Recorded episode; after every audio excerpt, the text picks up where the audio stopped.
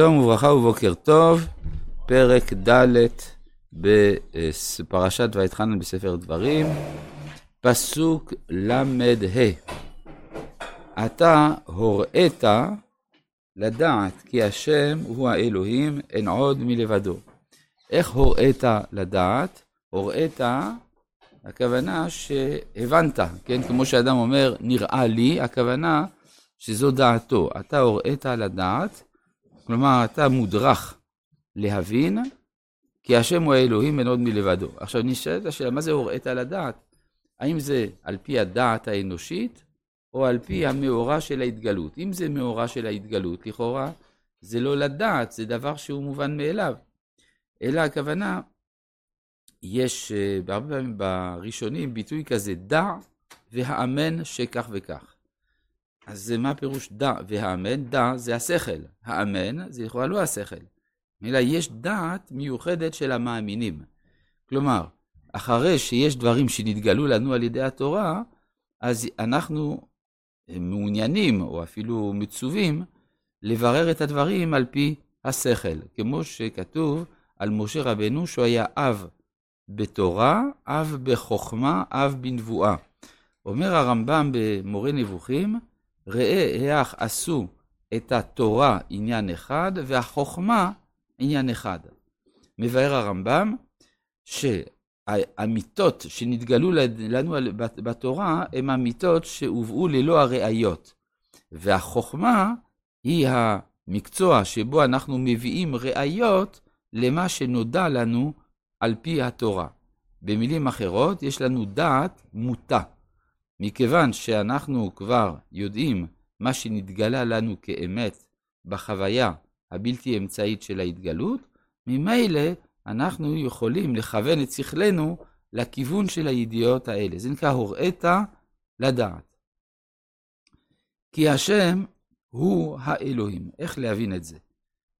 בשפה מודרנית היינו מבינים שהשם הוא האלוה, אבל בעברית תנכית יש לזה משמעות אחרת לגמרי.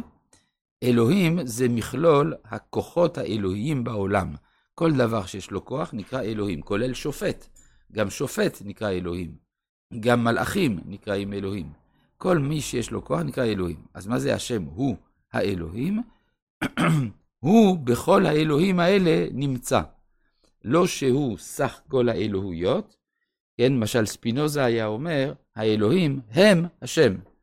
אבל כשאנחנו אומרים השם הוא האלוהים, הכוונה שהוא מעל האלוהים, אבל הוא פועל בכולם.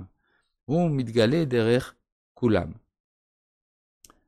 אין עוד מלבדו. טוב, על המשפט הזה נשפך הרבה דיו במהלך הדורות, מה פירוש אין עוד מלבדו? במובן הפשוט זה להגיד אין עוד אלוה. הוא היחיד שהוא אלוה. אבל במהלך הדורות, בהשפעת תורת הקבלה ובמיוחד בחסידות, הבינו יותר אין עוד מלבדו, אין מצוי מחוץ לו. הכל כלול בו. עכשיו, מה ההבדל בין שתי התפיסות? התפיסה האחת מעמידה את אלוהים מול המציאות, מול שאר המציאויות. אין עוד מלבדו, שהוא אלוה. אבל אם אתה אומר אין עוד מלבדו, שהוא כולל הכל, אז לכל המציאות יש משמעות. שעל זה נאמר, ואתה מחיה את כולם. כלומר, אם אתה מחיה את כולם, אז לכולם יש ערך, לכולם יש משמעות. וזה הבסיס של דברי חז"ל במסכת אבות, שאין לך דבר שאין לו מקום. אם היה אה, התנגדות בין הבריאה לבין הבורא, היינו אומרים שיש דברים שאין להם מקום. אבל אם ברגע שאתה אומר אין עוד מלבדו, שהוא כולל הכל, אז הוא כולל גם את הרע, גם את המתנגדים, גם העוברי רצונו הם חלק מפעולתו. לפי העיקרון שמבאר רמח"ל בספר דת תבונות, שלפעמים ההנהגה האלוהית מצריכה שיהיה מתנגד לאלוהים, שהרי קילוסו של מלך עולה יותר מזה שמתנגדיו מקבלים את מלכותו, מאשר זה שנאמניו מקבלים את מלכותו. אז זאת המשמעות שאין עוד מלבדו, שלכל דבר במציאות יש משמעות קרובה או רחוקה.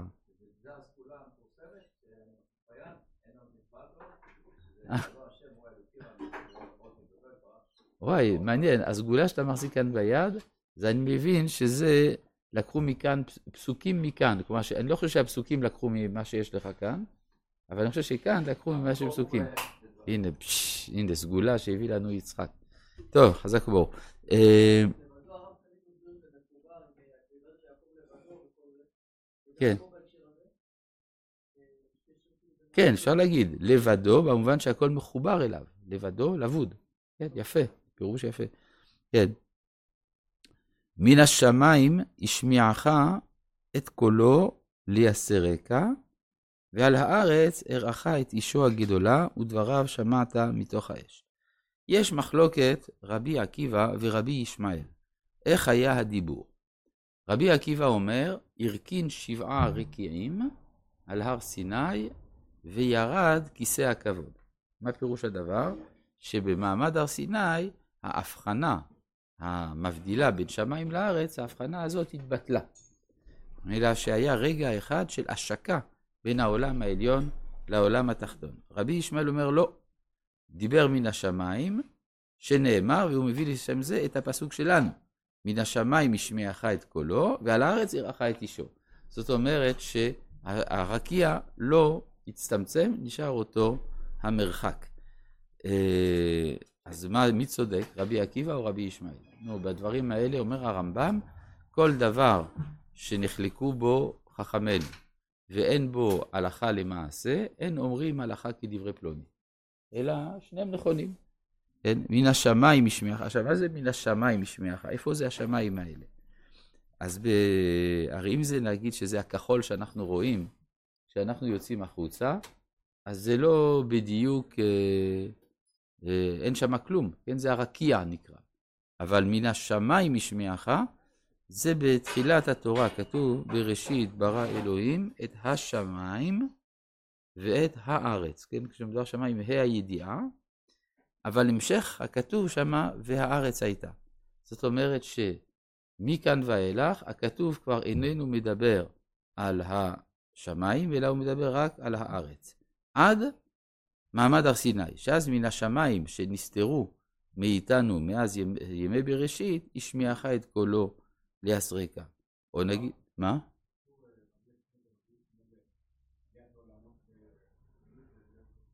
יכול להיות, לא יודע, זה מסובך. טוב, בכל מקרה, מן השמיים השמיעך את קולו ליסרקה, זאת אומרת שמן השמיים, מי שמסתתר מאחורי הבריאה, החליט לגלות את מציאותו. אומר הרמב"ם בהתחלת מורה נבוכים, שידיעת האלוהות היא בגילוי והיעלם כאחד. כן, כלומר הבריאה מסתירה את הבורא, וגם הוא, היא מגלה את הבורא. יוצא לפי זה שזה כמו הבהוב, מתגלה ולא מתגלה כאחד, זה הדרך לדעת אותו. אז זה המשמעות של מן השמיים ישמיעך את קולו, לייסרקה, מה זה לייסרקה? מה, זה לייסר? לייסר הכוונה ליישר אותך, כן? לייסר וליישר זה מילים קרובות. הכוונה שהאדם זקוק לאיזשהו זעזוע על מנת להשתחרר מן הקליפות העוטפות אותו. אז זה נקרא ישמיעך את קולו, לייסרקה. ועל הארץ, הראך את אישו הגדולה. מה זה האש הגדולה הזאת? יש בתוספות דיון מה היה קורה אה, למה כתוב שכפה עליהם הר כגיגית אם הם אמרו נעשה ונשמע? למה צריך לכפות אם הם ממילא רוצים? התוספות ענו, לא כמו המהר"ל אמנם, אבל הם ענו, בכל זאת התוספות, זאת אומרים שהיו חוזרים בהם כשיראו את האש הגדולה. ולכן, כדי שלא יחזרו בהם, כפה.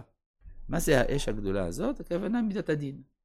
כן? כלומר, קבלת התורה זה מביא דינים והדין הזה עלול להפחיד את האדם, כן? אז אה, לכן יש האש הגדולה שהיא מידת הדין.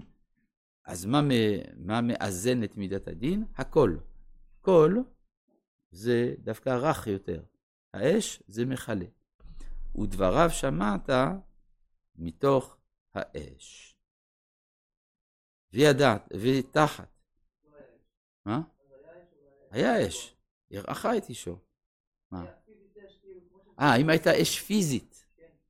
ייתכן שכן, אבל זה בדיוק השאלה, למה היה צריך שיהיה גם, מלבד הכל, שיהיה גם אש? זה כדי להראות את ההפרש בין הטבע לבין הדיבור. אבל